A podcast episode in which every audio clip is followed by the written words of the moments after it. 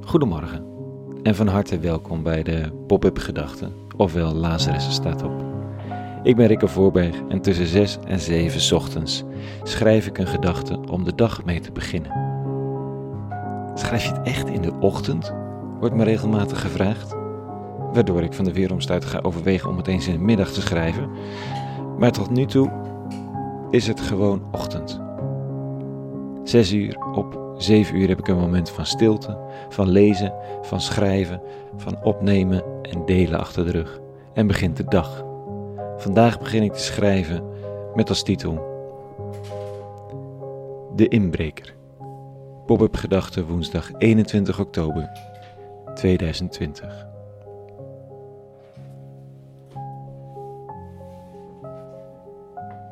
Er is weinig zo goed voor een mens, of in elk geval dit mens dat hier nu aan het schrijven is, als twee uurtjes door een bos lopen met een wijze coach. Gisteren, middag.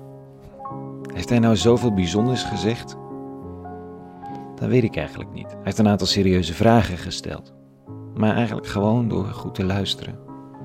Was het een speciale kerel? Met zo'n lange witte baard en grote stok en van die spirituele ogen? Ook niet. Geen Merlijn of Gandalf of wat dan ook. En toch ziet de wereld er anders uit. Kijk ik anders naar mezelf. Is mijn gevoelswereld, sorry voor het woord, ik kan geen betere bedenken, opeens van een andere gesteldheid. Twee uurtjes en ik sta anders in mijn schoenen. Hoe anders? Nou, misschien wel zo. Vooraf aan dat gesprek was ik al enige tijd in een soort voorwaarts vallende beweging door het leven aan het rennen. Het hoofd vooruit, het lichaam voorwaarts hellend en elke keer je voeten bijtrekken onder je lijf, anders ga je plat op je muil. Dat moest ook wel, want er was veel te doen. En nu, na twee bosuurtjes, sta ik weer rechtop en kan ik besluiten of ik de stap vooruit zet, of zijwaarts, of gewoon even blijven staan. Moet je eens proberen om te blijven staan als je voorwaarts hellend met je hoofd de toekomst in aan het leunen bent. Dat gaat niet. Op de plaats rust. Zoiets is het. Kan het zijn dat er weer een sprintje getrokken moet worden of een marathon gelopen? Zeker, maar dan is het een keus. Is de voorwaarts hellende houding uit mijn lijf verdwenen? Nou, nog niet. Maar het is in elk geval een stuk steviger. En waarom is dat nodig? Dat is misschien wel de allerbelangrijkste vraag. Waarom is het nodig? Waarom recht op de voeten staan en observeren?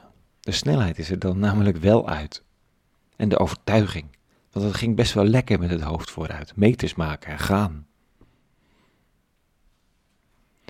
Wat is de kracht van op de voeten staan? De verbinding van hoofd met lijf en voeten en buik en hart. Dat is de kracht. Die verbinding levert kennis op. Niet per se rationele kennis, maar overtuiging. Weten wat je aan het doen bent en waarom en voor wie. En kunnen kiezen. Kunnen besluiten wat nu wijs is en wat goed is. En om stil te blijven staan totdat je het weer weet. Geworteld in gezonde aarde en zo niet, dan op zoek naar gezonde aarde alvorens verder te groeien. Geworteld en gevoed en bij gebrek aan voeding niet wringend doorgroeien, maar op zoek naar voeding of water, zodat groei weer gebeurt. Waarom? Nou, om niet te vergeten wie je bent. Dat je een lijf hebt. Dat je bedoeld en geliefd bent. En een rol hebt in het leven. Vandaag zegt Jezus dit tegen zijn leerlingen en andere luisteraars. Begrijp dit wel. Als de eigenaar van het huis komt, of nee, als de eigenaar van het huis wist op welk uur de dief zou komen, zou hij in zijn huis niet hebben laten inbreken. Wees ook gij bereid, omdat de mensenzoon komt op het uur waarop u het niet verwacht. Wat die komst precies betekent, daar zijn allerlei ideeën over. En geen vastomlijn antwoord eventjes. En dat hoeft ook helemaal niet. Wat me vanochtend zo boeit, is die goddelijke inbreker. De eeuwige in een streepje shirt met een koevoet, die op onverwacht moment even komt kijken of er iets te halen is. Dat is een bizar beeld, toch?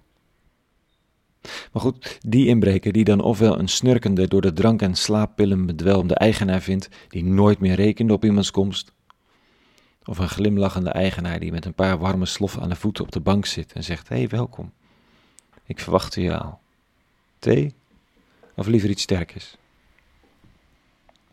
Als ik op mijn voeten sta, weet ik wie ik ben en kan ik bezig zijn met wie ik ook alweer graag wilde zijn. Dan is het niet de vraag wat er maatschappelijk of op mijn werk of door allerlei verwachtingspatronen van de wereld om me heen van me wordt verwacht, maar wat de eeuwige bedoeld heeft.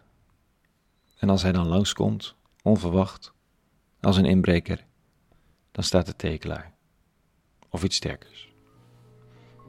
In mijn rennende leven is er nauwelijks zicht op de, God, op de eeuwigheidsfactor. Dus ik ben dankbaar voor het bos, voor de wijze man en voor de uurtjes. Een goddelijk goede interventie die ik iedereen toewens. Tot zover. Een hele goede woensdag gewenst. Meer pop-up gedachten te vinden op lazarusstatop.nl. En voor nu, vrede gewenst. En alle goeds.